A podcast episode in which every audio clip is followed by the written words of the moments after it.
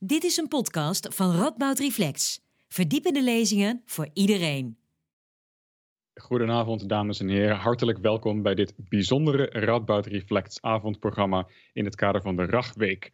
We hebben vanavond twee gerenommeerde wetenschappers die ons komen vertellen over het kwetsbare kinderbrein en het effect van invloeden in onze jeugd op onze latere cognitieve vermogens. Uh, onze sprekers zijn Dick Swaap, hij is arts, neurobioloog en oprichter van de Nederlandse Hersenbank. Hij schreef ook enkele zeer bekende publieksboeken. Uh, velen van u zullen wellicht Wij zijn ons brein en ons creatieve brein gelezen hebben. En de tweede spreker vanavond is Roshaan Kools. Zij is hoogleraar cognitieve neuropsychiatrie aan het Radboud UMC. En ze is onderzoeker aan het Donders Instituut van de Radboud Universiteit. En ze geeft daar leiding aan het Motivational Cognitive Control Laboratorium waar ze onderzoekt hoe ons brein ons in staat stelt om doelbewust te handelen. Of juist niet als het even tegenzit. Het, het programma van vanavond is dat wij van beide sprekers korte lezingen krijgen. En daarna gaan zij met elkaar in gesprek. En tenslotte is er ruimte voor vragen vanuit het publiek. U kunt uw vragen indienen via Mentimeter. Eh, de code staat wellicht in de beschrijving, is wellicht ook nu in beeld. En die vult u in bij menti.com. en dan kunt u vragen indienen voor het programma. Er zijn veel kijkers vanavond, dus de kans is reëel dat uw vraag niet aan bod komt, maar toch waarderen wij het van harte als u hem inzendt. Um, voordat we gaan beginnen met de lezingen, evenwel, uh, hebben wij een korte um, introductie uh, van eigenlijk de speciale aard van dit programma met Laura Lensink. Zij is van de, Rad, Ragweek, zij organiseert de Ragweek. Uh, en ik heb wat vragen voor haar en die heeft u wellicht ook. Laura, ben je al in de uitzending? Ja, als het goed is wel. Ja, dag Laura. Hey, uh, leuk dat je er bent. En, en, zou je me kunnen uitleggen of ons kunnen vertellen wat de Ragweek eigenlijk is? Ja, um, de Ragweek vindt eigenlijk zijn oorsprong uh, rond 1900 in Engeland. Um, waar Engelse studenten op uh, vodden, dus oude stukjes stof, gedichtjes schreven. En deze gedichtjes verkochten. Um, en die opbrengst ging naar, het, naar de armere mensen in de samenleving. En dat is dus overgewaaid naar Nederland, uh, waardoor er nu ook ragweken in Nijmegen en ook in Utrecht en Maastricht zijn. En tijdens de ragweek in Nijmegen wordt er gedurende een hele week, dus deze week van 8 tot en met 15 april, door allerlei verenigingen en Nijmeegse ondernemers diverse activiteiten en acties georganiseerd om op die manier geld op te halen voor een nationaal en een internationaal goed doel. Um, dus dat is de, wat de ragweek eigenlijk is. Oké, okay, fantastisch. En wat zijn dit jaar de, de goede doelen die jullie steunen? Ja, we hebben dus uh, een nationaal en een internationaal goed doel. Het nationale goede doel is Stichting De Hond kan de was doen. En Stichting De Hond kan de was doen zet zich in voor mensen die baat hebben bij, uh, bij een hulphond, maar deze niet via de reguliere weg kunnen krijgen. Um, dus niet via de verzekering. En je moet je voorstellen um, dat uh, het trainen van een, een, persoon samen met een trainings- uh, en hulphond, dat dat best wel prijzig is. Dat kan oplopen tot wel 20.000 euro. Um, uh, dus in dat soort gevallen biedt Stichting Hond kan de was doen een laatste strohalm voor mensen die graag een hulphond willen, maar dus of niet kunnen betalen of niet via de verzekering aankomen. En het internationale goede doel waar wij dit jaar voor gekozen hebben is Stichting Right to Play.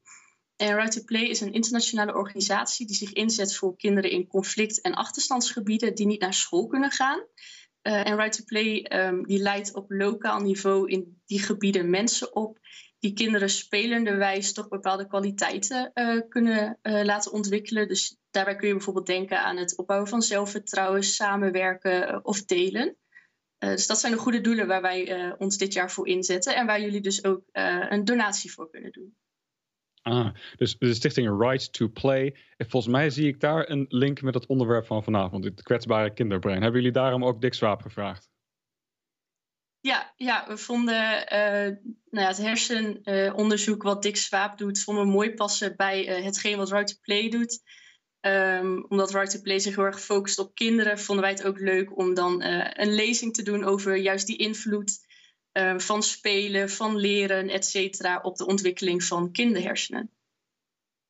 Kijk, nou fantastisch. Dankjewel voor deze introductie. Uh, het is natuurlijk ook zaak dan dat de mensen die nu kijken en die deze goede doelen een hart onder de riem willen steken of willen steunen, uh, zij kunnen dat doen door te doneren en de link daarvoor staat in de beschrijving van deze video. Dus als je onder het uh, bewegend beeld kijkt, zie je daar wat statische informatie. En daar staat onder andere hoe je kan doneren. En ehm, ja, ik hoop dat de Ragweek een groot succes gaat worden dit jaar, Laura. veel succes ook met alle andere activiteiten die jullie organiseren. Dankjewel. En, ja, cool. Nou, dan gaan wij verder. En het eerste onderdeel, inhoudelijke onderdeel van de avond vanavond, is een lezing van Dick Swaap. En dan zou ik denk ik nu graag het digitale woord overgeven aan Dick. Uh, als het goed is, staat de techniek klaar. Maar uh, gun ons of, uh, een momentje als het nog even gedraaid moet worden. het eerstvolgende onderdeel nu is Dick Swaap met zijn lezing over het kwetsbare kinderbrein. Dus allemaal veel plezier. Goedenavond. Ik zie inderdaad mijn eerste dia. Um, wanneer we kijken naar de ontwikkeling van de kinderhersenen. Ik probeer nu de volgende dia te krijgen en dat lukt niet. Um, even kijken. Ja. Um, wanneer we kijken op de meest simpele manier naar de hersenontwikkeling, dan zie je op de verticale lijn uh, de hoeveelheid DNA, het aantal cellen, uitgezet tegen de leeftijd van het kind. En de verticale lijn uh, is de geboorte van het kind. En je ziet dat al tijdens de zwangerschap een enorme spurt start van uh, de aanmaak van nieuwe hersencellen. Het aardige is dat uh, op het moment van de geboorte kun je al vrij aardig de hoeveelheid DNA bepalen in het brein door een simpele schedelomtrek te meten. Je ziet dat er een lineaire relatie is tussen DNA en het aantal centimeters. Um, nou hoop ik dat hij het weer doet. Hij is ontzettend traag. Ja. Um, en wat er dan gebeurt uh, met die hersencellen is dat ze contacten proberen te zoeken tijdens de ontwikkeling. En dat zie je hier in celkweek gebeuren onder de microscoop. Dat is een gele en een rode cel, gekleurd voor hun uh, chemische boodschappen. En drie weken later zie je aan het rechterpaneel hoe dat eruit ziet. Dezelfde gele cel en rode cel. Er is een enorm netwerk van vezels omheen ontstaan. En ik hoop dat jullie ook kunnen zien, die blauwe puntjes, dat zijn de celcontacten, de synapsen. En op die manier ontstaat er in een hele korte tijd een netwerk van zo'n 100 miljard hersencellen. Dat is 12 keer meer dan een mensen op aarde rondlopen. En iedere hersencel maakt contact tussen de 1000 en de 100.000 andere cellen. Dus een 100.000 kilometer bevezeling in ons brein. En uh, uh, je komt verschillende termen tegen, de geest en de ziel, uh, voor dat netwerk. Voor mij is de geest is het werkende netwerk wat we hier zien. En um, de ziel is volgens sommigen iets wat overblijft na ons overlijden. Um, het zou uh, immaterieel zijn, maar weer, volgens anderen weer 21 gram wegen. In het onderzoek hebben we nooit enige indicatie daarvoor gekregen. Dus ik spreek uitsluitend over de geest. En als je dan kijkt welke factoren dat uh, de normale hersenontwikkeling kunnen uh, bedreigen, dan zijn het heel veel chemische stoffen. Ik heb in de tijd, in, uh, zo'n 40 jaar geleden, mijn inaugurale reden gehouden over dat onderwerp. En de titel was Bederven de hersenen van onze kinderen al voor de geboorte. Een hele reeks van stoffen genoemd, waarvan uit dierexperimenteel werk ons duidelijk is geworden dat het de hersenontwikkeling kan verstoren. En natuurlijk alcohol en nicotine zijn bekend, drugs zijn bekend. Maar alle uh, geneesmiddelen die ook de placenta passeren, en dat zijn er nogal wat, uh, waarmee je de moeder behandelt, die, daarmee behandel je ook het kind. En de afgelopen 40 jaar zijn al die stoffen bevestigd ook voor de werking bij de mens op de hersenontwikkeling van het kind. En er is één duidelijke, simpele regel uit voortgekomen. Dat is dat iedere stof die op de volwassen hersenen inwerkt, dat die ook inwerkt op de hersenen van het kind. Maar dan uh, op de ontwikkeling daarvan. En mogelijk een, een permanent effect uh, kan hebben, afhankelijk van de duur, uh, de concentratie van de stof, et cetera. Um, Nou zijn er een aantal factoren die noodzakelijk zijn voor de normale ontwikkeling. In de eerste plaats moet er voldoende voedsel zijn. Er moet voldoende voedsel in de omgeving zijn. En je ziet hier kinderen die geboren zijn in het laatste oorlogsjaar eh, in de Randstad in Amsterdam, uh, in de hongerwinter. En dus dit zijn geen kinderen uit de derde wereld, maar gewoon kinderen uit Amsterdam, geboren in 1944, 45. En die kinderen die, zijn nu zo'n 75 jaar gevolgd. En wat we vonden was dat er ook verschillen waren in de grootte van hersenstructuren. We denken dat dat een voorloper is van een vroegere ehm, dementie die op kan treden in die groep. Vooral die groep die is uh, blootgesteld aan de hongerwinter in de eerste paar maanden van de zwangerschap. Um, als je kijkt naar die hongerwinterpopulatie, dan hebben ze meer kans op schizofrenie, op depressie, op antisociale persoonlijkheidsstoornis, op verslaving, vetzucht. En dus ook op een uh, snellere cognitieve veroudering. Een extreem voorbeeld daarvan is uh, uh, onderzocht in China naar aanleiding van de Great Leap Forward, waarbij Mao heeft geprobeerd in een korte tijd van een landbouwland een industrieel land te maken, waardoor er een enorme honger is opgetreden gedurende drie jaar. En je ziet hier de vreselijke beelden daarvan. Deze mensen zijn uh, ook gevolgd, maar ook de kinderen die in de baarmoeder zaten in die periode. En die laten inderdaad een vervoegde dementie zien. Um, wanneer je het uh, hebt over uh, verminderde voeding in de omgeving, is Afrika er natuurlijk nog steeds een goed voorbeeld van. Je ziet hier een kind rood scoren op de omtrek van de arm. En die kinderen die in de vroege ontwikkeling bloot hebben gestaan aan te weinig voedsel, die hebben um, een gestoorde hersenontwikkeling afhankelijk weer van duur en ernst van die ondervoeding. Um, wanneer en uh, je kunt zeggen dat in, in Europa natuurlijk uh, die problemen van de ondervoeding wel voorbij zijn. Maar er zijn nog steeds kinderen die geboren worden met een te laag geboortegewicht. En je ziet hier zo'n kind in de couveuse liggen. Omdat de placenta niet goed functioneert.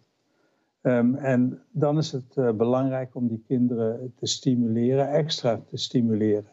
En dat kan meteen gebeuren na de geboorte. Je ziet, normaal is het zo in het linkerpanel dat uh, alle ouders zingen met kinderen. Um, kinderen zijn vanaf de geboorte, zelfs voor de geboorte, gevoelig voor uh, muziek.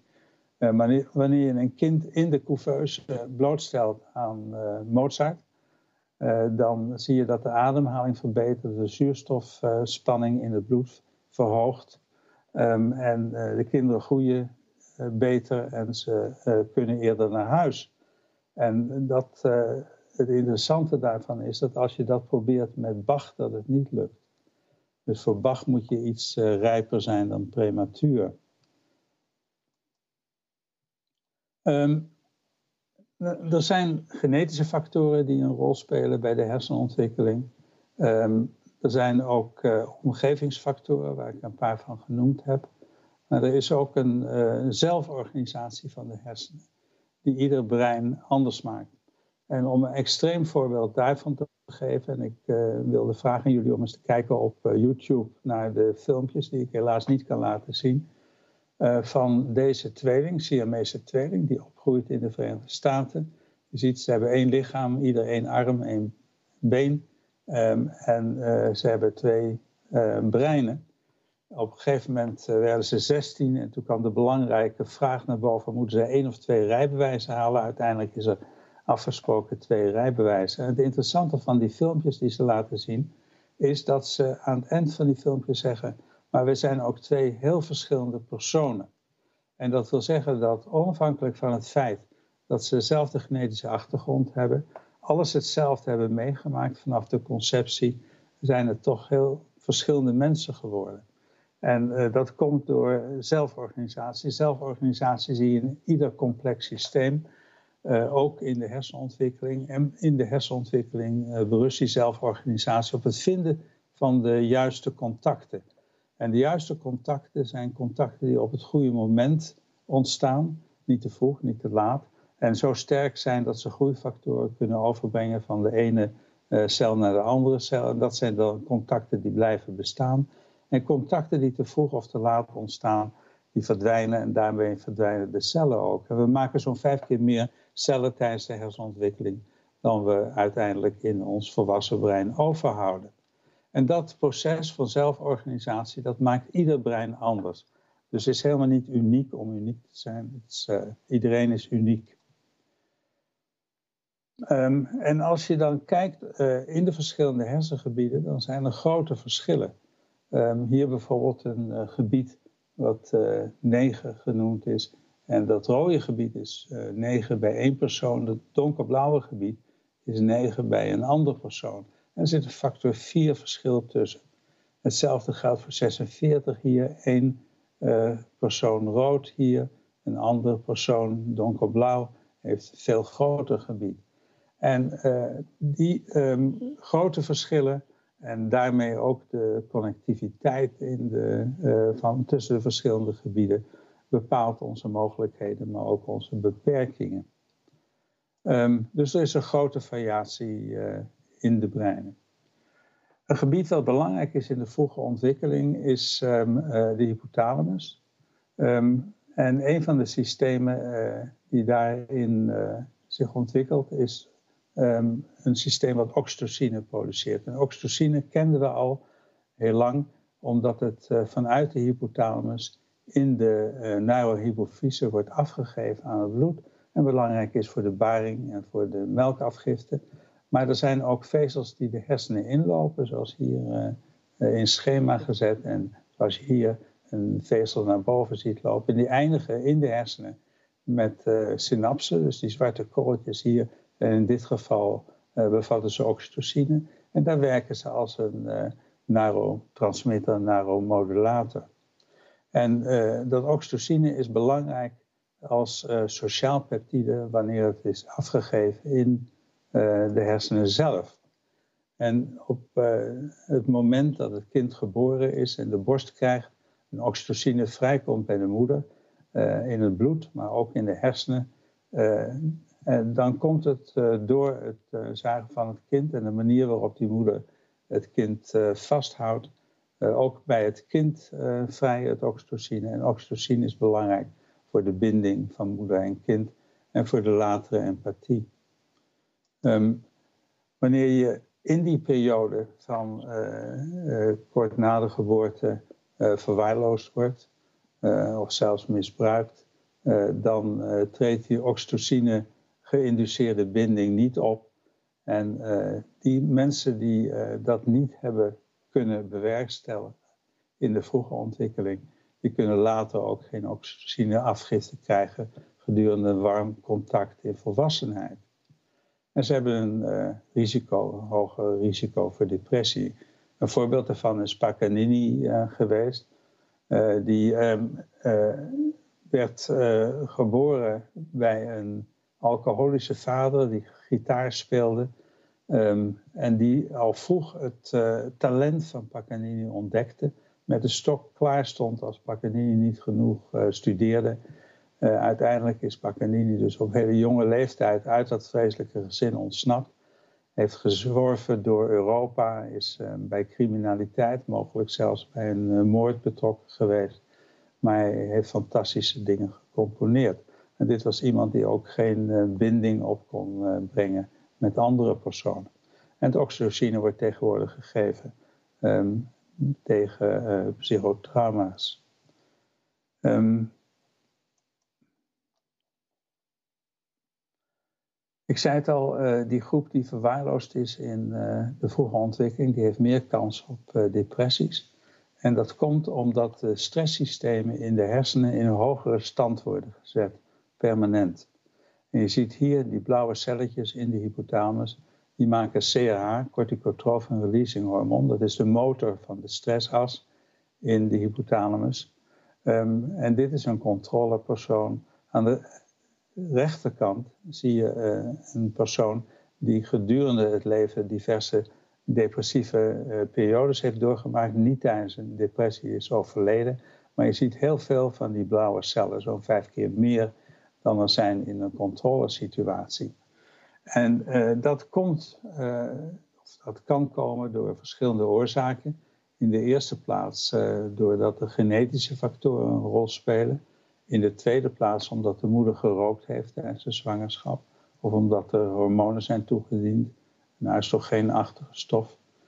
Um, het kan komen door de um, ondervoeding tijdens de zwangerschap, dus door te weinig voedsel in de omgeving of placenta-insufficiëntie. En het kan ook komen door verwaarlozing of misbruik van het kind. En door al die factoren kan die stressas in een hogere versnelling gezet worden voor de rest van het leven. En dan, wanneer er iets in de omgeving optreedt wat de meeste mensen verdrietig of boos maakt, eh, schieten deze mensen in een depressie, omdat het systeem te hoog staat afgesteld.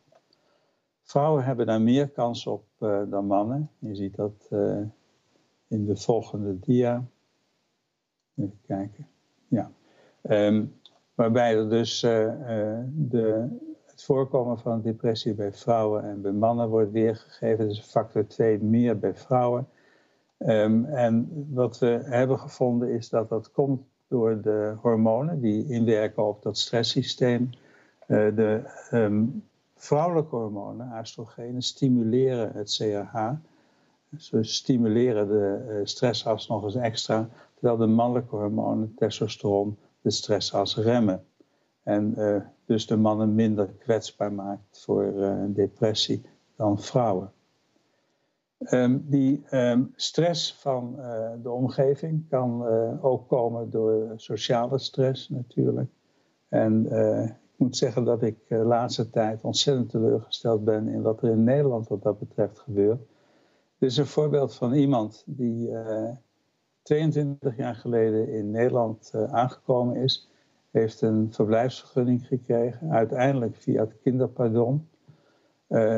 Hij uh, zou via het kinderpardon ook alle faciliteiten krijgen, maar het blijkt dat nog steeds uh, sinds 2007 die mensen van het kinderpardon geen Nederlands paspoort hebben gekregen en daardoor uitgesloten zijn voor uh, sommige beroepen en zeker ook voor de mogelijkheden om naar het buitenland te reizen.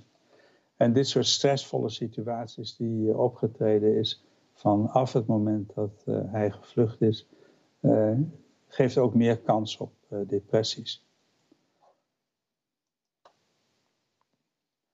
Um, hier zie je de uh, curves voor um, het optreden van de eerste symptomen van schizofrenie.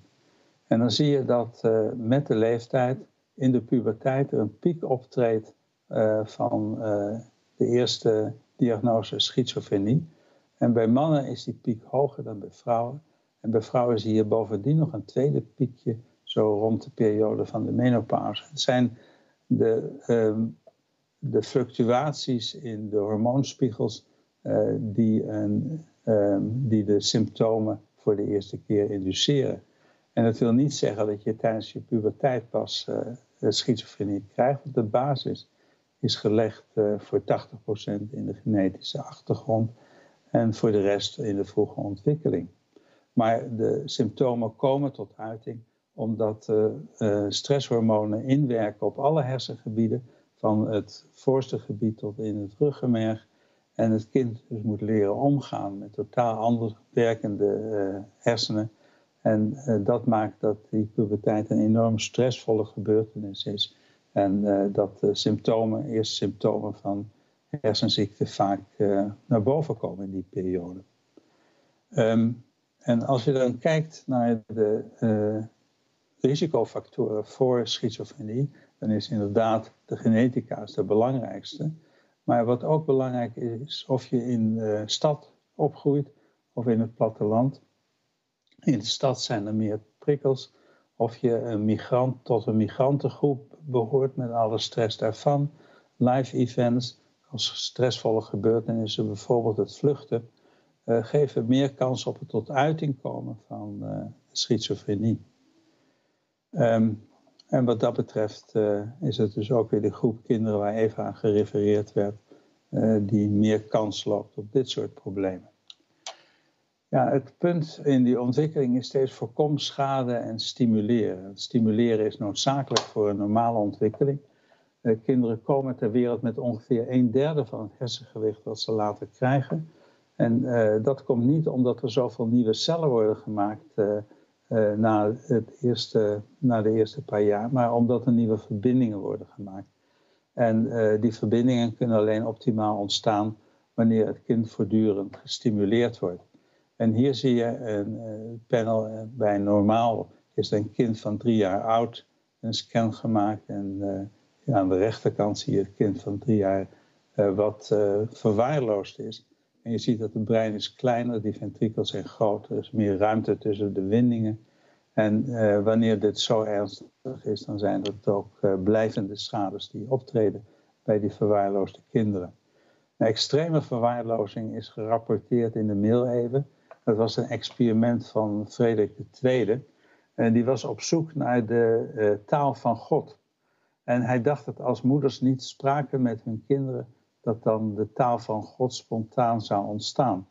Uh, wat er gebeurde was niet dat de taal van God ontstond, maar al die kinderen waar niet mee gesproken mocht worden in het experiment, die gingen dood. Dus extreme verwaarlozing. Het omgekeerde is tweetaligheid. Het leren van een taal voor een kind is een enorme stimulans. En dat geldt niet alleen voor de typische taalgebieden als Broca en uh, Wernicke, maar het geldt voor het hele brein. En uh, wanneer een kind tweetalig opgroeit, omdat de vader en de moeder ieder een andere taal met het kind spreken, uh, dan is dat een extra stimulans waardoor extra reserves optreden en het kind later um, tijdens de veroudering uh, zo'n vier, vijf jaar later de ziekte van Alzheimer krijgt, vergeleken met, uh, de, met, met kinderen die niet tweetalig zijn opgegroeid. Dus dat is een enorme stimulans voor het brein van het kind. Ook muzieklessen op school, goede opleiding natuurlijk, sport op school, allemaal stimuli voor het brein. En dan is het een kwestie van een goede studie, een interessante baan die voortdurend eisen aan je stelt. En ook goed slapen. En goed slapen is belangrijk voor de ontwikkeling van het brein. Uh, omdat het uh, tijdens de droomslaap de cortex heel sterk stimuleert. Um, ja, dan zie je hier een kind wat um, een slaaptest ondergaat straks. Eh, wanneer het in een slaaplab wordt gelegd. Um, en dan worden de verschillende stadia van de slaap gemeten. De droomslaap heeft een stimulerende werking op de hersenontwikkeling. Slaap als zodanig verbetert het geheugen. tijdens de slaap er, wordt informatie die tijdelijk is opgeslagen, bijvoorbeeld in de hippocampus, wordt getransporteerd naar plaatsen waar het permanent wordt opgeslagen. Eh, in de cortex. Wat belangrijk is tijdens de slaap is dat de harde schijf wordt opgeruimd. alle informatie die binnen is gekomen, maar niet moet worden bewaard, niet moet worden verwerkt, die hebben, heeft toch de vorm van de synaps veranderd, van de celcontacten. En die synapsen moeten weer in een normale stand gezet worden, zodat je de volgende dag weer uh, weer kan leren vanaf het begin af aan. Um, tijdens de puberteit zijn er slaapstoornissen bij de meeste. kinderen gaan heel moeilijk inslapen en staan ook later op. Er is wel voorgesteld om later les te gaan geven.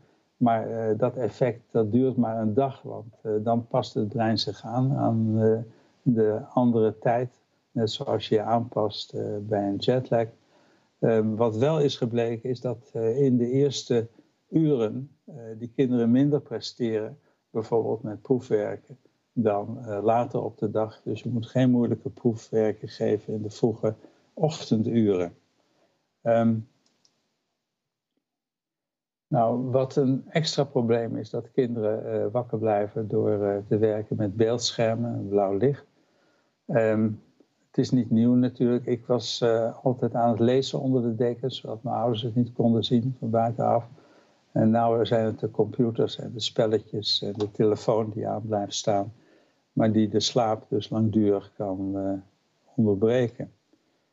Um, hier zie je uh, de droomslaap op het moment van de geboorte, dus aan de linkerkant, dat is de bovenste kolom is 50% van de totale slaaptijd. En die droomslaap is een enorme stimulans voor de, voor de hersenschorsontwikkeling. En de droomslaap neemt af tijdens het leven tot zo'n uh, 15, 13 procent van de totale slaaptijd. En we hebben in proefdieren hebben we de droomslaap onderbroken. Um, bij ratten bijvoorbeeld zo'n twee weken na de geboorte. En dan blijkt dat ze permanent stoornissen hebben in het gedrag en volwassenheid. En in Groningen zijn vervolgens vergelijkbare studies gedaan bij vrouwen die tijdens de zwangerschap clonidine krijgen. Dat onderdrukt de droomslaap bij het kind in de baarmoeder. En die kinderen die hebben permanent slaapstoornissen. Uh, zeven keer meer dan er voorkomen normaal. Zelfs nogal wat slaapwandelen. Ehm, dus je kunt ook door de slaap te onderdrukken... kun je permanente veranderingen krijgen bij het kind.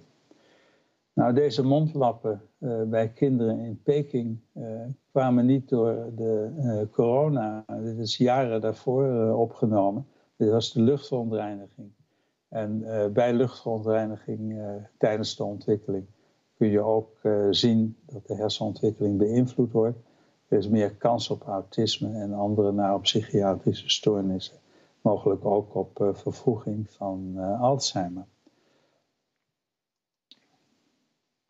En je ziet dat hier in, in een van de studies dat mensen die wonen dichtbij verkeersaders, waar dus voortdurend fijnstof vrijkomt, uh, dat uh, kinderen in de baarmoeder de eerste jaren na de geboorte daarvan uh, meer kans overhouden op autisme. Um, er is nogal wat aan, aan, schade um, op de hersenontwikkeling, ook in Nederland, wat we niet aangeboren hersenletsel noemen. Zo'n 50 kinderen per dag in Nederland.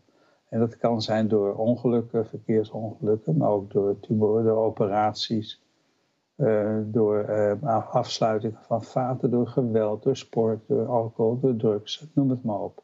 En vele oorzaken voor. En afhankelijk van uh, de ernst van de schade, de plaats van de schade en de leeftijd van het kind zie je leren gedragsstoornissen, stoornissen, motoriek, et cetera. Een van de dingen die optreedt bij um, niet aangeboren hersenletsel is dat kinderen buitengewoon vermoeid zijn. En vaak wordt gedacht dat dat dan ligt aan het hersenletsel, dat kan ook zo zijn. Maar een component die daar een rol bij speelt, is dat er bij schade in de hersenen heel snel een groeihormoonvermindering optreedt. En uh, wanneer groeihormoon wordt toegediend, dat de vermoeidheid sterk uh, vermindert. Er zijn ook slaapstoornissen doordat uh, de systemen die met slaap te maken hebben, nogal lange verbindingen hebben, zoals het histaminesysteem, die vaak beschadigd worden door het niet aangeboren hersenletsel. Um, en hier zie je in, in schema uh, wat er gebeurt bij een steeds weer optredend hersenletsel. Uh, in dit geval bijvoorbeeld bij boxers. En dan ontstaan er van die bruine kleuringen. En de bruine kleuringen zijn Alzheimer-veranderingen, gehyperfosforyleerde taal, die ontstaan in de uh, diepte van de hersenwindingen in de eerste plaats, maar vervolgens over de hele hersenen heen gaan. En je kunt daar verschillende stadia in onderscheiden. En uh, op die manier ontstaat uh, door bijvoorbeeld boksen, ontstaat hersenschade die enorme gedragsveranderingen teweeg kan brengen. Um, we hebben in de tijd in de Gezondheidsraad de regering geadviseerd om het profboksen te verbieden in Nederland, zoals ook in eh, een aantal beschaafde landen al het geval is. Maar er is nog geen regering die dat aangedurfd heeft. Het heeft wel geleid tot uh, verbetering in de situatie voor kinderen. Nou mogen kinderen tot 10 jaar geen uh, wedstrijd in de ring meer spelen. En tot 18 jaar mogen ze uh, het brein van de tegenstander niet beschadigen door op het hoofd te, slaan of te trappen. Maar het blijft natuurlijk een vreselijke toestand dat dit nog is toegestaan in Nederland. Het is al gezegd, ik, ik heb een paar boeken voor algemeen publiek geschreven. Dat is bedoeld om meer kennis van zaken te geven, zodat mensen begrijpen dat, wat een fantastische machine dat het is. dat brein, maar ook hoe kwetsbaar het is. En als je iets van hersenontwikkeling weet, zeg ik altijd, dan ben je verbaasd dat het soms wel redelijk goed gaat. Omdat het zo'n complex systeem is, wat op vele manieren verkeerd kan gaan. En wanneer het verkeerd gaat, moet je er vroeg bij zijn. En het taboe en het stigma wat er rond hersenziektes nog steeds is, helpt niet om mensen vroeg naar de ehm, geneeskunde te krijgen. Ik werk ook in China en daar is het duidelijk wat de schade is die dan optreedt. Want China is, als je naar, het, naar de gezondheidsstatistieken kijkt, een heel gezond land. Ze hebben maar een derde van de depressies die wij hebben. Maar het is niet omdat ze zo gezond zijn, het is omdat het laatste wat je doet in China is naar een psychiater gaan en behandeld worden. Omdat het een stigma geeft op het gezin. Kinderen kunnen niet trouwen, mensen kunnen hun baan verliezen. En dan kun je denken dat in Nederland dat wel voorbij is, dat taboe en stigma. Uh, dit is Iris Sommers, die heeft, dat is een psychiater, of ja, psychiatrie in Groningen, heeft een boek geschreven, Haperende hersenen, over neurologische en psychiatrische ziektebeelden. Mensen vertelden hun eigen persoonlijke verhaal, die zo'n ziektebeeld hadden. En zij vertelden dan wat er in de hersenen mis was en wat je er wel of niet aan kon doen. En alle mensen met een neurologisch ziektebeeld wilden met hun eigen naam in het boek de mensen met een psychiatrisch ziektebeeld. Geen van allen wilden alle onder pseudoniem in het boek. Dus dat taboe en het stigma, dat leeft nog steeds in Nederland. En ik hoop dat dit soort verhalen uh, via jullie zullen leiden tot uh, een uh, verbetering van de situatie en vermindering van het taboe. En daarmee bedank ik je voor de aandacht. Fantastisch. Hartelijk dank, Dick, voor de zeer informatieve lezing. Um, terwijl we nu achter de schermen vast de boel klaarzetten voor de lezing van Roshaan, heb ik vast één vraag voor jou, Dick. Uh, je legde heel duidelijk uit dat het niet alleen belangrijk is hoeveel neuronen er in een schedel zitten, maar ook hoe die uh, verbonden zijn met elkaar, de structuur waarin ze dat doen.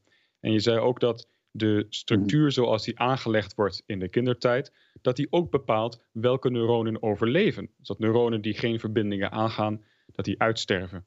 En, en nu vroeg ik mij af, uh, als het nou toch zo is dat wij enkele nieuwe neuronen aanmaken in onze volwassen tijd, kunnen die dan alsnog nieuwe structuren aangaan? Of zijn die er alleen maar om de, neuronen te vervangen die al in een vaste structuur gevat zijn? Oh, nou, de, er is heel veel um, aandacht voor die enkele nieuwe neuronen die aangemaakt worden in de hersenen in volwassenheid, in de hippocampus en rond de ventrikels. Het is niet zo dat uh, die schade kunnen herstellen. Als dat zo zou zijn, dan zou de neurologie niet bestaan. Dan zou er geen blijvende lesies zijn uh, na, na, een uh, schade in de hersenen. En ehm, die neuronen die aangemaakt worden, die hebben een hele specifieke functie. Er worden neuronen gestuurd naar het reuksysteem.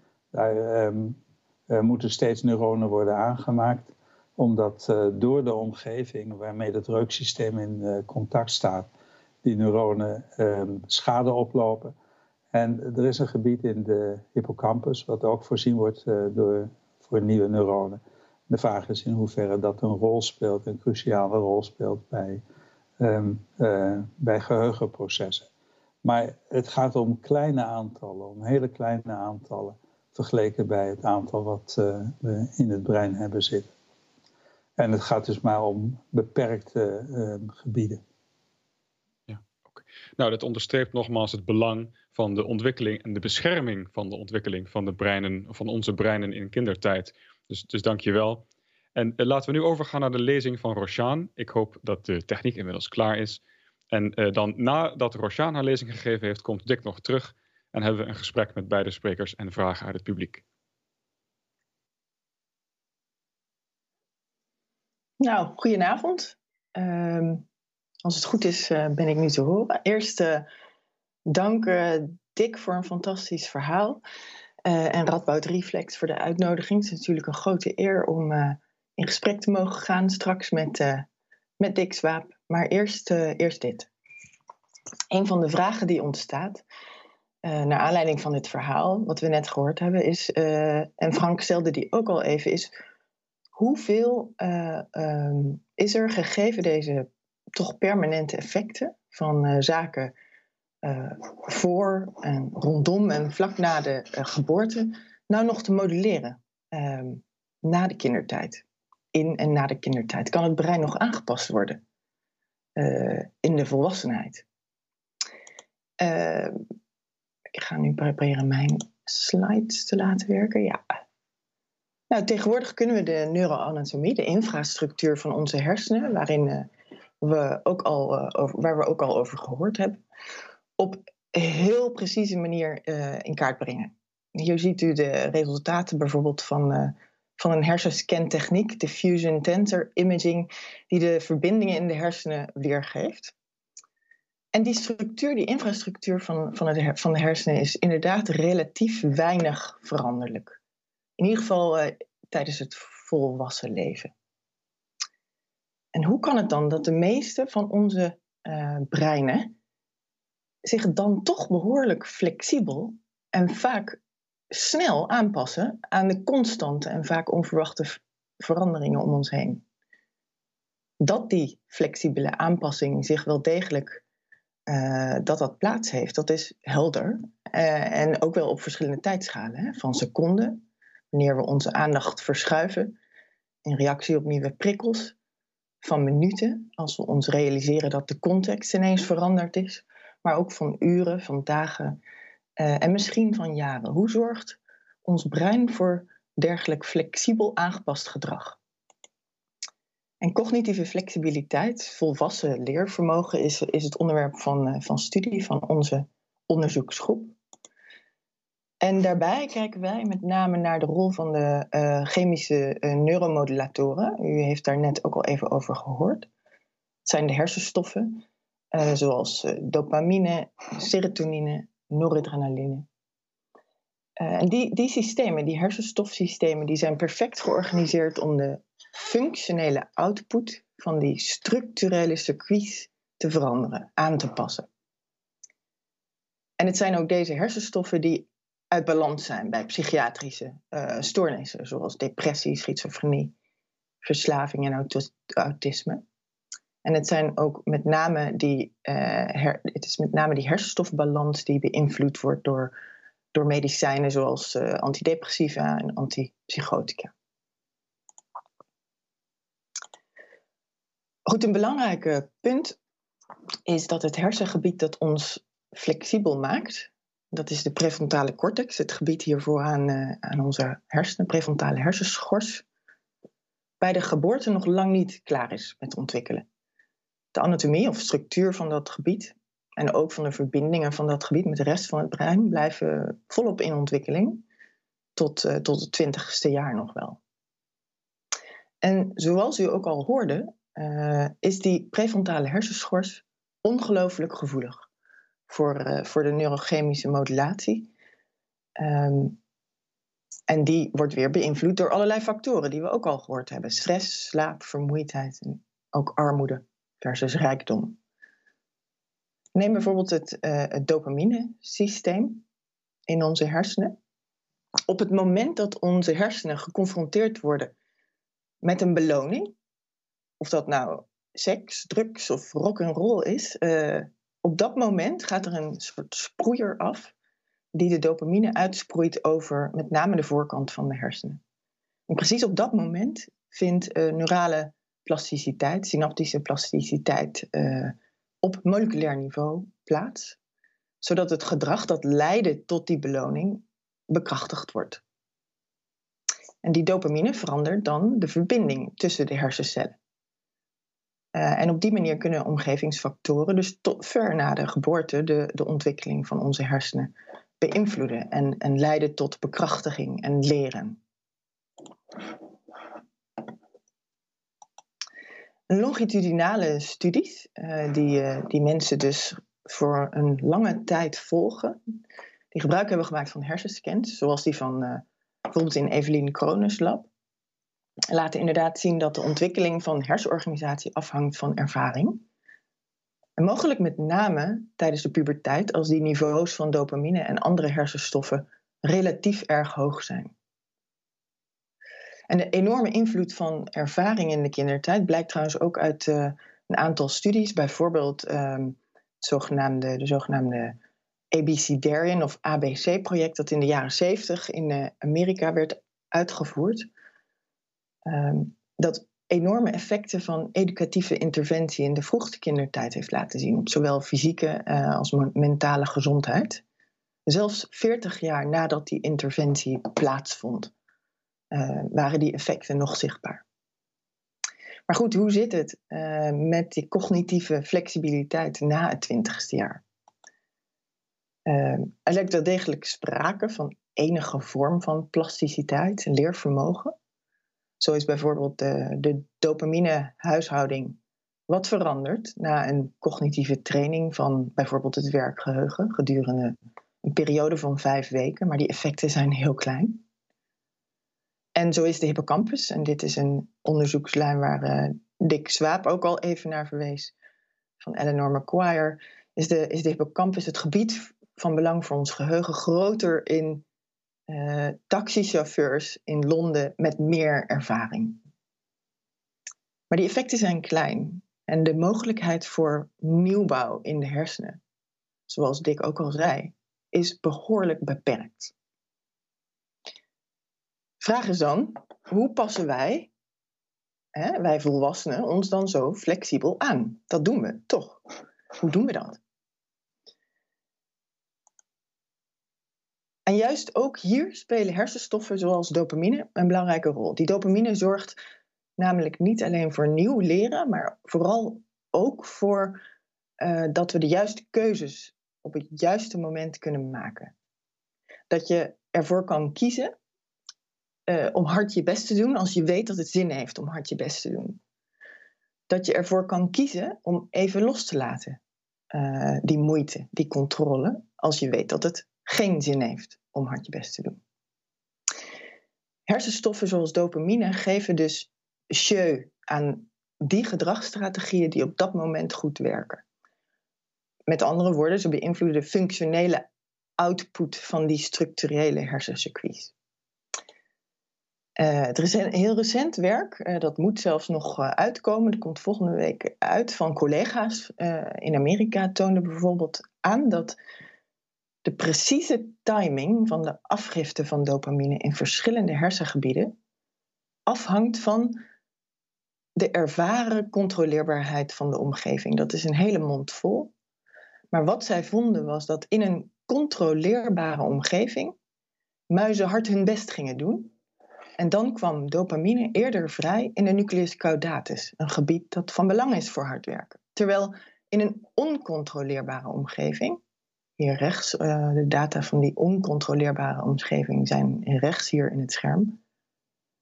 Um, in die omgeving hield de muis juist op met werken en kwam dopamine vrij in een gebied dat van belang is voor het loslaten van hard werken. En ja, afgifte van die dopamine in het brein en dus ook uh, onze cognitieve flexibiliteit, die wordt voor een deel bepaald door onze genen. Uh, wordt ook beïnvloed door farmaca zoals methylfenidaat of atomoxetine, beter bekend als Ritalin of Adderall. Maar die afgifte wordt ook zeker bepaald door, en daar heb je hem weer, de prefrontale cortex. Die prefrontale hersenschors hiervoor in onze hersenen. Die, die prefrontale hersenschors die codeert allerlei eigenschappen van de ervaren omgeving. Die bepalen of en waar die dopamine moet worden afgegeven. Dus in de prefrontale cortex huist als het ware een model van de wereld om ons heen, die ons vertelt wanneer men tot actie moet overgaan, wanneer het zin heeft om je best te doen. En net zo belangrijk wanneer dat niet het geval is. En dan zijn we dus weer terug bij af bij het begin. Voor het bouwen van dat model in die prefrontale schors is de ervaring in de vroegste kindertijd en daarvoor van groot belang. Heb jij geleerd dat de wereld over het algemeen controleerbaar is? Dan zal je ook in volwassenheid vaker voor een uh, actieve strategie kiezen. Dan zal je bij het minste of geringste in actie komen. Heb jij geleerd dat de wereld over het algemeen oncontroleerbaar is? Dan zal je ook in volwassenheid over het algemeen voor een passieve strategie kiezen, ook al heb je een beloning in het verschiet. Wat dus van groot belang is, is dat we onze prefrontale cortex in de vroege kindertijd blootstellen aan het hele palet aan omgevingen en gedragstrategieën. Soms hebben we invloed, soms hebben we geen invloed. Soms is onze omgeving veilig of voorspelbaar. En soms is deze onvoorspelbaar. Sommige omgevingen zijn onvoorspelbaar. De kunst is om dat kinderbrein een kans te geven om verschillende omgevingen te onderscheiden en om verschillende gedragsstrategieën uit te proberen. En dat is de voorwaarde voor een ontwikkeling van werkelijk aangepast, flexibel gedrag. En de hamvraag natuurlijk is of we die vorm van metacontrole in het volwassen brein nog kunnen trainen.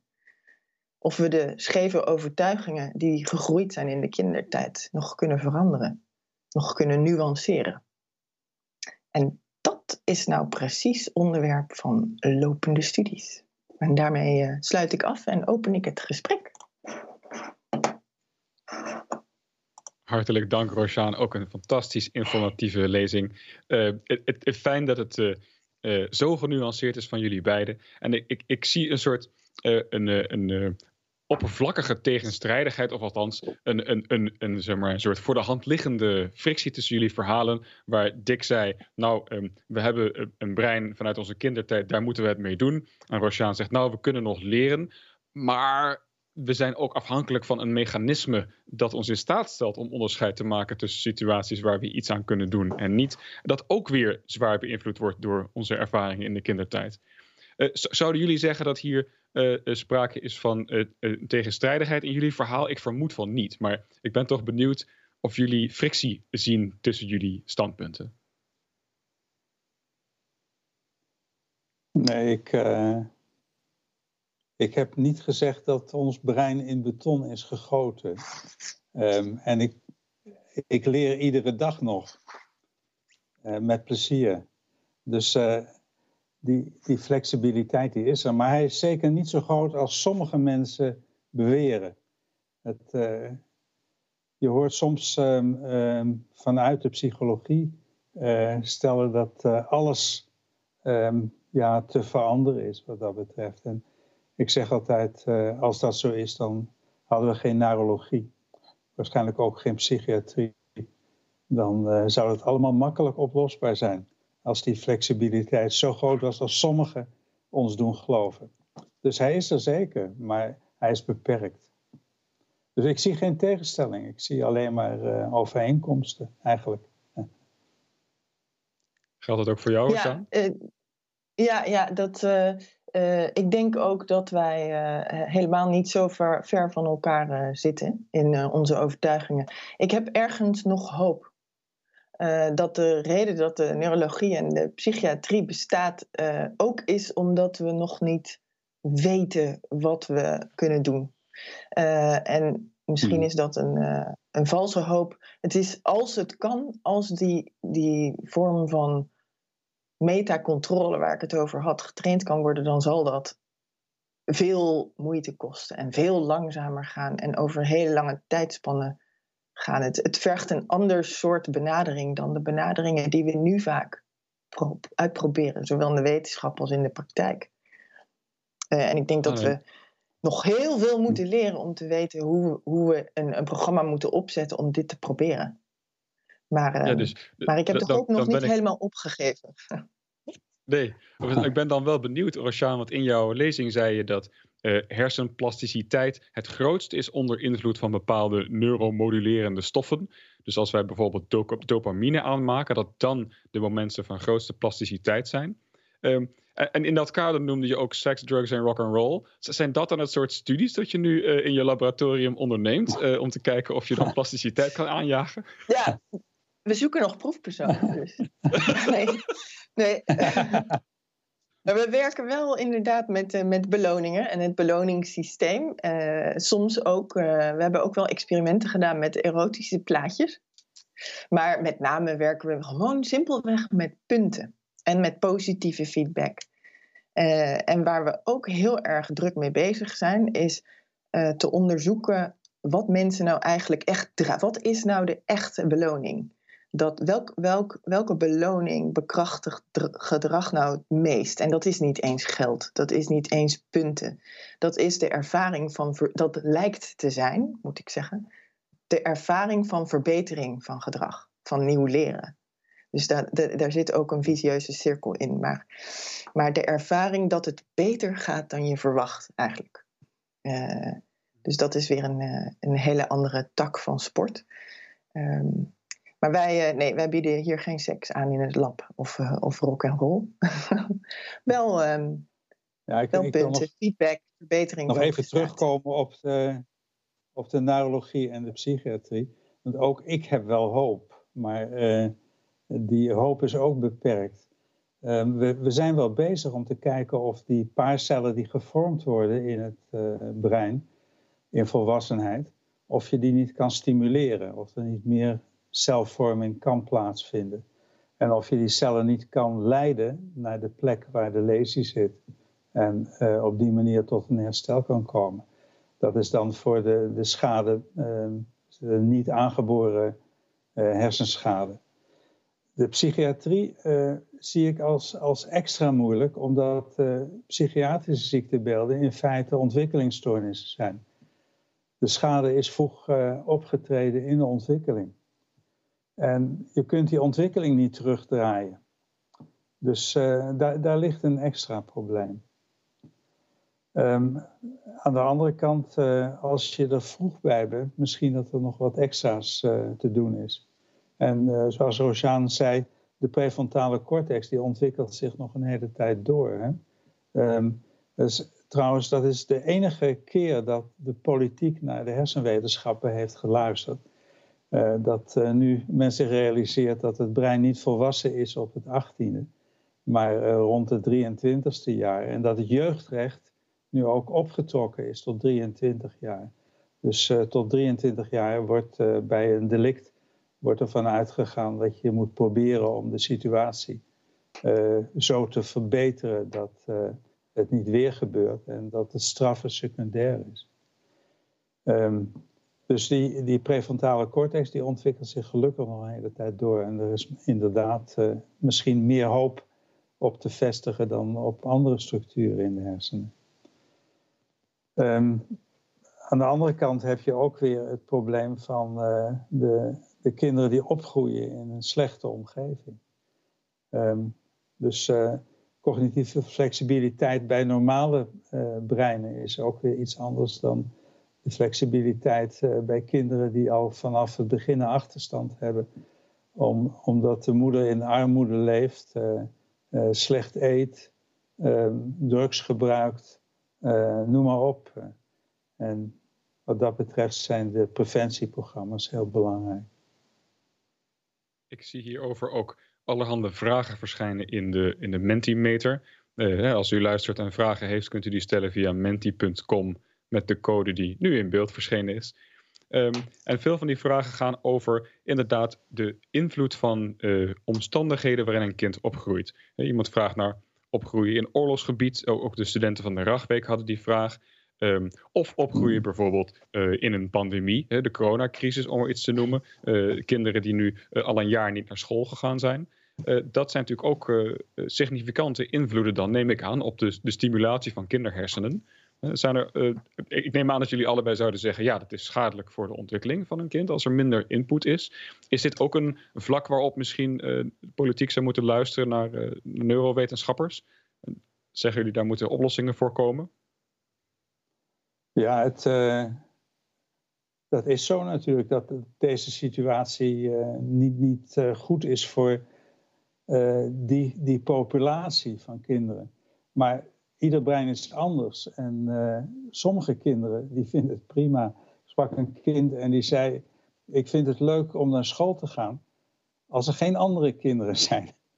Zo'n autistisch kind dat uh, minder onder uh, het niet naar school gaan. Wat heel erg sterk op de, de, contacten gericht is. Dus um, het hangt er maar vanaf. Hmm. Er is nog een vraag hier van iemand die, die zegt: Oké, stel nu dat je door een andere beperking, bijvoorbeeld autisme, het moeilijker hebt om je, je verbeeldingskracht in te zetten om om te leren gaan met verschillende situaties. dus hoe kun je een kind dat weerstand biedt tegen nieuwe situaties, toch leren om flexibel om te gaan met nieuwe dingen, als ze dus moeilijk vatbaar zijn voor ervaringen in nieuwe situaties. hoe speelt zo'n aangeboren afwijking, ik weet niet of ik het zo kan noemen, maar hoe spelen dat soort beperkingen een rol in dit verhaal? Ja, ik denk dat wij het allebei gehad hebben over juist dat soort beperkingen. Dus dat alle factoren waar we over gesproken hebben een rol spelen bij autisme. En dat bijvoorbeeld autisme, maar ook andere uh, natuurlijk spectrumstoornissen. Hè? Er is niet één autisme, maar uh, gekenmerkt worden door uh, een, een kwetsbaar verleden, maar ook een ja, scheve, een, een, een, een scheve overtuiging eigenlijk over de wereld. Um, ik denk um, dat de, de kunst is om die dan heel gedoseerd en gestructureerd aan te bieden. De, de, niet alles tegelijk. Ik weet maar, niet hoe het bij jullie is, maar de verbinding is heel slecht. Het staat nu stil bij mij. Ah, een, een spannende ontwikkeling in ons programma. Ah, ja. uh, laten we hopen dat, dat Dick ons op den duur weer soepel hoort. Um, maar we zien hier dus inderdaad een verschil in. Um, Dick zei net al, uh, ik zie eigenlijk psychiatrische stoornissen als ontwikkelingsstoornissen. Dat is ook een van de vragen in, in de chat. Um, als een psychiatrische stoornis een ontwikkelingsstoornis is, uh, dan onderscheidt dat zich van meer genetisch aangelegde uh, stoornissen. en, en is het zo dat die stoornissen dan ook op een heel andere manier behandeld zouden moeten worden? Dus dat neem ik aan van wel. Maar oh, misschien is Dick echt helemaal weg nu. Uh, Rosjaan, jij hoort me nog wel, toch? Ja, ja ik hoor je zeker okay, nog wel. Nou, wat, wat, en ik denk dat Dick hier ook mee eens is, wat hij ook uh, noemde al in, in zijn verhaal, is dat die twee dingen niet los van elkaar staan. Dus dat, um, dat de genetische aanleg en ook de, de factoren die een rol spelen vlak voor de geboorte, tijdens de geboorte, vlak na de geboorte, het brein kwetsbaar maken voor omgevingsinvloeden en dat die ontwikkelingsstoornis deels als gevolg daarvan, uh, van die factoren, ruimte krijgt om te ontstaan. En een ontwikkelingsstoornis uh, verwijst eigenlijk naar het feit dat het tijdens de ontwikkeling niet goed gaat. Dat is ook wat ik probeerde te benadrukken in mijn verhaal. Dat op het moment dat, dat in de ontwikkeling een bepaald beeld van de omgeving ontstaat, die ofwel overmatig uh, inflexibel is, ofwel overmatig on oncontroleerbaar, dan, dan zal het gedrag in de volwassen, volwassenheid uh, eigenlijk heel goed te begrijpen zijn, al op basis van die overtuiging. Dus die, die is als het ware een normatieve aanpassing op die uh, ervaring van de omgeving in die vroege kindertijd als gevolg van de ontwikkelingsstoornis. We zien natuurlijk een hele hoop stoornissen tegenwoordig als exclusief problematisch. En ik denk dat de kunst zal zijn om, um, om de, de andere kant uh, van de medaille te zien. Heel veel mensen met autisme hebben uh, eigenschappen uh, die fantastisch mooie, ehm, tot fantastisch mooie dingen kunnen leiden. Het kan zijn dat de omgeving wat aangepast moet worden, zodat die eigenschappen kunnen floreren. Uh, dat, is niet, dat is makkelijk gezegd, uh, maar ik denk dat dat de uitdaging is om de verschuivingen, de, de, de, de biases die mensen uh, hebben als gevolg van die ontwikkelingsstoornis ook gezien kan worden als, als een bekwaamheid. Dat geldt ja, ook ik, voor ik denk dat inclusiviteit. Ik, ja, ik denk dat ik nog wel een soort duale vraag heb dan. want ten eerste, dit is ook iets dat ik in de vragen in Mentimeter zie terugkomen. Mensen vragen zich af, uh, wat zijn nu goede manieren om mijn kind te stimuleren? Oké, dus wel Mozart, maar geen Bach. Uh, wat moet ik ze allemaal uh, bijbrengen? Dus een heel erg een soort vraag ontstaat er van wat is nu goed en slecht voor een kind? En gekoppeld daaraan, dus de vraag is dan, hoe kun je als ouder um, hier zinvolle wijze, op zinvolle wijze informatie over vergaren? Moet je alle nieuwste papers gaan lezen? Of zijn er, hè, want de, de, de bladen staan natuurlijk vol van tips, maar welke zijn nu goed uh, en slecht. En dan een vraag die daarbij hoort, is uh, hoe weet je nou als ouder of die tips goed of slecht zijn relatief aan misschien een norm die wij nu als maatschappij stellen? Of dat die uh, in absolute zin goed of slecht zijn. Hè? Want je zei net, mensen met autisme, ja, die, ondertussen wordt dik ingebeld. mensen met autisme, die, zijn, die kunnen op een heel andere manier en op een heel waardevolle manier cognitief actief zijn. is het niet zo dat als wij onze kinderen allemaal Mozart gaan laten luisteren, dat we op een bepaalde manier ook diversiteit wegnemen? Zo, dus met andere ja, woorden. Maar dat was precies. ja. ja. Ja. Sorry, ik, ik, dat, was, dat was precies mijn, mijn punt. Uh, dat, dat misschien intuïtief zeggen we, laten we nou vooral zorgen dat als het kind zijn best doet, dat hij dan succes heeft. En we zijn toch heel veel bezig met, uh, met de, de kindertijd zo, zo smooth mogelijk te laten verlopen. Hè? En, en dat, is, dat was precies het punt wat ik probeerde te maken. Het is denk ik met name van, van belang om, om de kinderen bloot te stellen aan aan alle verschillende mogelijke omgevingen, stressvolle. En niet heb ik het over oorlog natuurlijk. En over. Maar even, even uitgaande van uh, veel situaties, van zowel stressvolle als niet stressvolle uh, situaties. Op het moment dat er natuurlijk ook een mogelijkheid is om daarnaar te handelen. Hè? En, uh, en die nuance en ook dat die diversiteit aan, aan omgevingen is denk ik het allerbelangrijkste voor het kinderbrein. Uh, en dan heb ik het inderdaad even heel belangrijk. En natuurlijk niet over extreme honger of, of drugsgebruik. Of dingen die voor heel veel mensen vanzelfsprekend zijn dat je dat niet je kind wil aandoen. Tenminste, dat zeg ik. Maar dat, ja. dat mag ik hopen. Ja. Maar misschien wil Dick eens terug, hè? Dus, ik heb, ik heb veel gemist. Nog, Welkom terug, Dick. We hebben het gehad over, maar... over ontwikkeling van kinderen. En over um, uh, hoe je als ouder onderscheid kan maken tussen wat nu een goede soort stimulatie is voor je kind en wat niet. Uh, en in hoeverre we ja, moeten oppassen dat we misschien een soort eenheidsworst creëren als we kinderen allemaal zoveel mogelijk uh, als een curling-ouder alle, alle hindernissen ontnemen, zeg maar. Dus hoe, hoe, zorgen we ervoor dat we ze voldoende stimuleren, ze voldoende uitdagen, op zo'n manier die misschien ook inspeelt op de, de specifieke relatie die een ouder met een kind heeft. Ja. Ja, wat ik belangrijk vind is dat de school uh, niet alleen uh, probeert om zeggen, uh, de, het lezen en, en het schrijven en het rekenen op een gemiddeld niveau te brengen. Dat is nodig. Maar dat ze ook kijken naar wat, waar is een kind nou met groot plezier mee bezig? wat is specifiek voor dat kind iets waar hij ehm, zeg, alle energie in zou willen stoppen? En ontwikkelt dat dan verder. Dus kijk niet alleen maar, krijgen we het gemiddelde goed in, in de dingen die een kind nou eenmaal moet leren. Maar uh, kijk ook naar de specifieke uh, eigenschappen die een plezier doen. Uh, zodat hij daar ook op kan voortborduren. Kijk, en, en dit sluit natuurlijk aan bij het onderwerp van vanavond. of althans het goede doel dat we steunen. Het, het, het recht voor kinderen om te spelen. En, en Dick, ik begrijp het goed dat jij zegt, laat kinderen zelf ook spelen en zie, of laat hen zelf interesse ontwikkelen en uh, moedig ja. vooral het spelen aan. Ja, ja spelen is ontzettend belangrijk. En, en dat is uh, iets wat ik ook zie in, in China, wat niet gebeurt. Die kinderen op de lagere school, uh, die werken al tot s'avonds een uur of elf en moeten om zeven uur weer bezig zijn de volgende ochtend. om hun huiswerk af te krijgen. En dat is lagere school. Het is een leeftijd dat je echt moet leren spelen. En dat leren spelen is zo belangrijk om, om je creativiteit ook te ontwikkelen.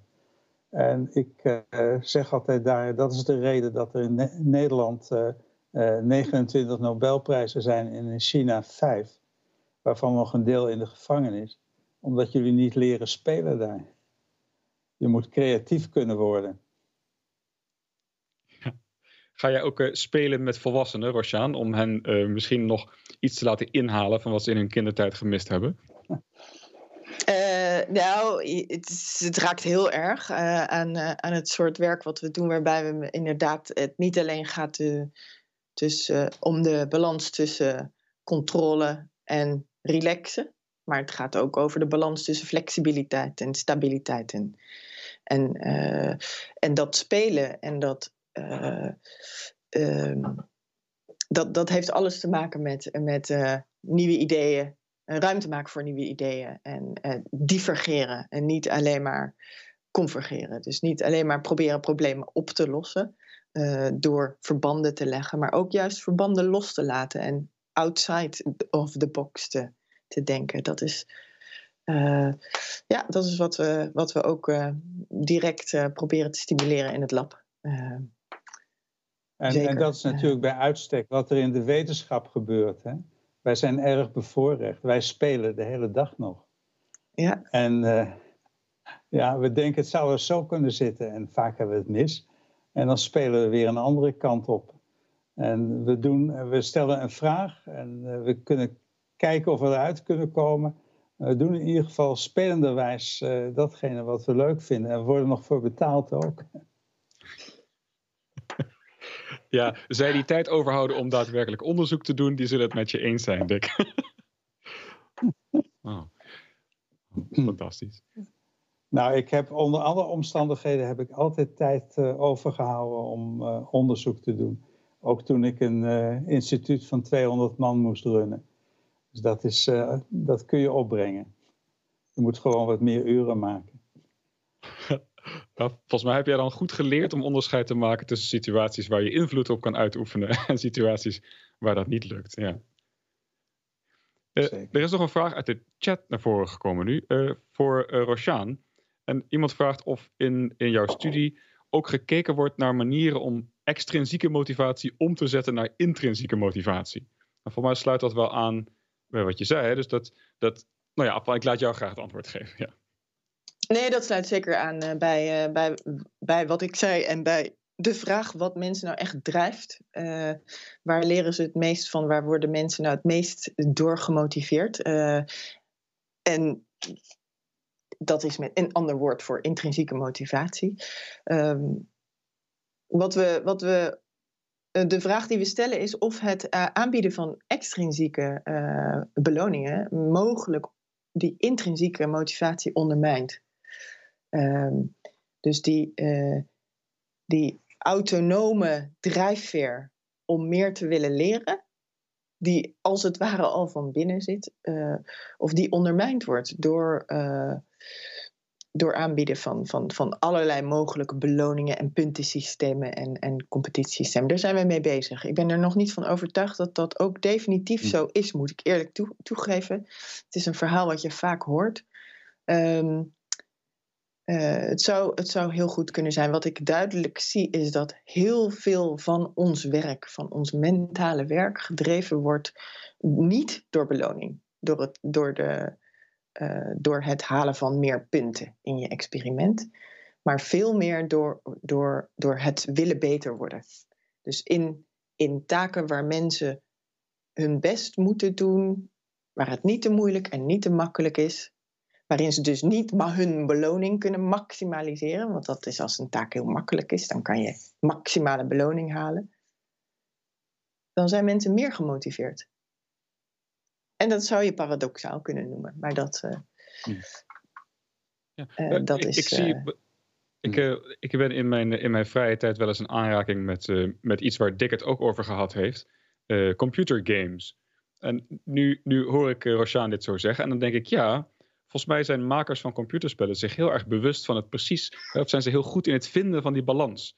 Tussen spelletjes die te makkelijk zijn en te moeilijk zijn denken jullie dat het, dat feit dat heel veel jonge kinderen en ook eh, wat minder jonge kinderen eh, veel computerspelletjes spelen, dat dat een rol kan, uh, of dat dat een positieve bijdrage kan leveren aan hun ontwikkeling van uh, motivatie om dingen aan te pakken? Dat zij daarvan beter leren welke situaties ze kunnen controleren en welke niet? Of zijn computerspelletjes alleen maar slecht? Nou, ik, ik heb daar hele um, wisselende dingen over gezien en gehoord en gelezen.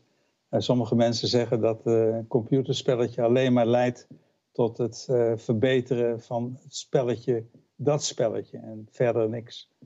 En andere mensen zeggen dat sommige, sommige spelen wel kunnen generaliseren. Maar ik, ik heb daar zelf geen mening over. Het is te tegenstrijdig wat ik heb gezien. Ik weet niet wat Roshaan ervan denkt. Uh, nee, ik, ik, denk, ik denk dat de jury nog niet uit is hier. Um, um, ja, het motiveert op dat moment. Mensen gaan door. Maar te veel motivatie is ook niet goed. Hè? Ik bedoel, dat zie je bij verslaving. Dat zie je ook bij gamen. Maar dat zie je ook bij alcohol. Dat zie je ook bij andere drugs of abuse. ja, motivatie is goed. het maximaliseren van motivatie is helemaal niet per se definitief goed. Dan, dan kom je vast te zitten in een cirkel. En dan generaliseert dat zeker niet naar mm bijvoorbeeld nieuwsgierigheid naar de wereld om je heen. Dus mijn, mijn... ik denk dat het ook heel belangrijk is om. Ik denk dat het heel belangrijk is om af te wisselen. Niet altijd en eeuwig met dat ene spelletje bezig te zijn, maar ook buiten te spelen en uh, andere dingen te leren. Ehm, kinderen die komen heel weinig buiten tegenwoordig. Ik zie in mijn omgeving hier veel minder kinderen buiten spelen. afgezien van de coronaperiode. Maar het, het, is veel minder dan het vroeger was. En ik denk dat ze door met elkaar te spelen ook ontzettend veel leren. Niet alleen een stomme spelletje. Nou ja, nu, nu kun je natuurlijk, om even dan mijn generatie te verdedigen, je kunt spelletjes natuurlijk ook samen spelen. uh, maar goed, uh, ik zal verder niet dit, dit voetstuk, ja, ja. ik zal niet op deze soapbox gaan staan. En misschien nog even met een, een, laatste vraag komen uit de Mentimeter. Uh, iemand vraagt, waar zijn kinderen misschien juist beter in als ze zijn blootgesteld aan stress vroeg in het leven?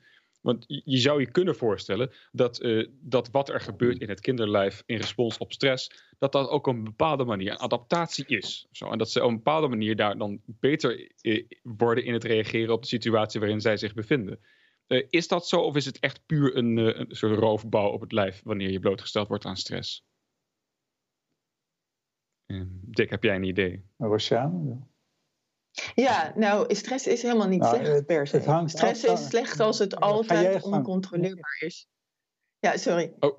Dus okay. stress aan zich is niet slecht. Hè? Uh, je hebt zelfs een optimaal niveau van stress nodig om goed te presteren. Het gaat erom dat, dat je uh, moet, goed moet onderscheiden. Of kijk, te veel van oncontroleerbare stress, dat is, uh, dat is niet goed. Een, een beperkte mate van stress, die controleerbaar is. Een beperkte mate van stress die oncontroleerbaar is.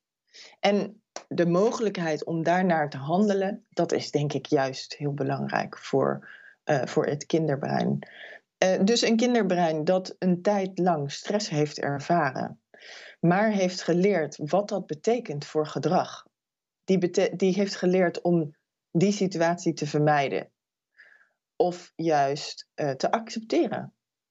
Die kan het brein ook, of in ieder geval de mentale vermogens, ja, sterker maken. Wat ook belangrijk is, is dat, uh, een, dat een kind in een warme, veilige uh, omgeving die stress ehm, ondergaat. Als een kind in een bedreigende omgeving zit, dan stressvolle situaties werken heel anders uit dan in een veilige, warme omgeving. Het, dan kan een kind veel aan.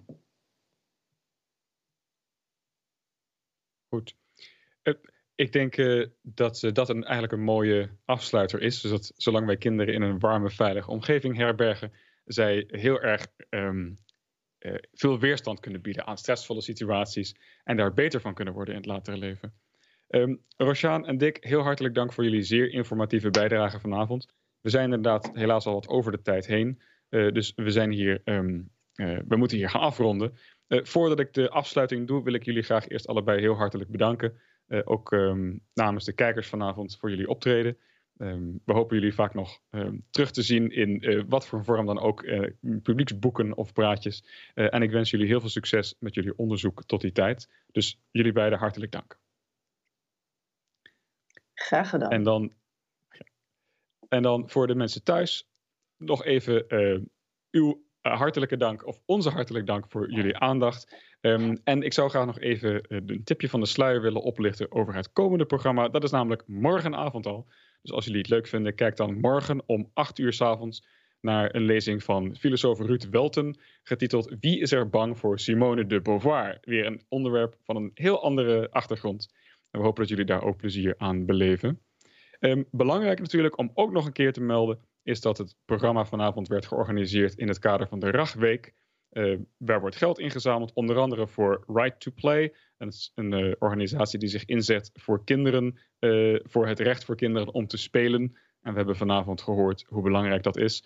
Als jullie dit doel willen steunen, kan dat via de link die onder deze video staat. De studenten van de Ragweek zullen blij zijn met de bijdrage en natuurlijk zeker ook het goede doel. En dat was het voor ons vanavond. Hartelijk bedankt voor het kijken. Namens zowel Radboud Reflex als de Ragweek wens u graag een fijne avond en tot de volgende keer.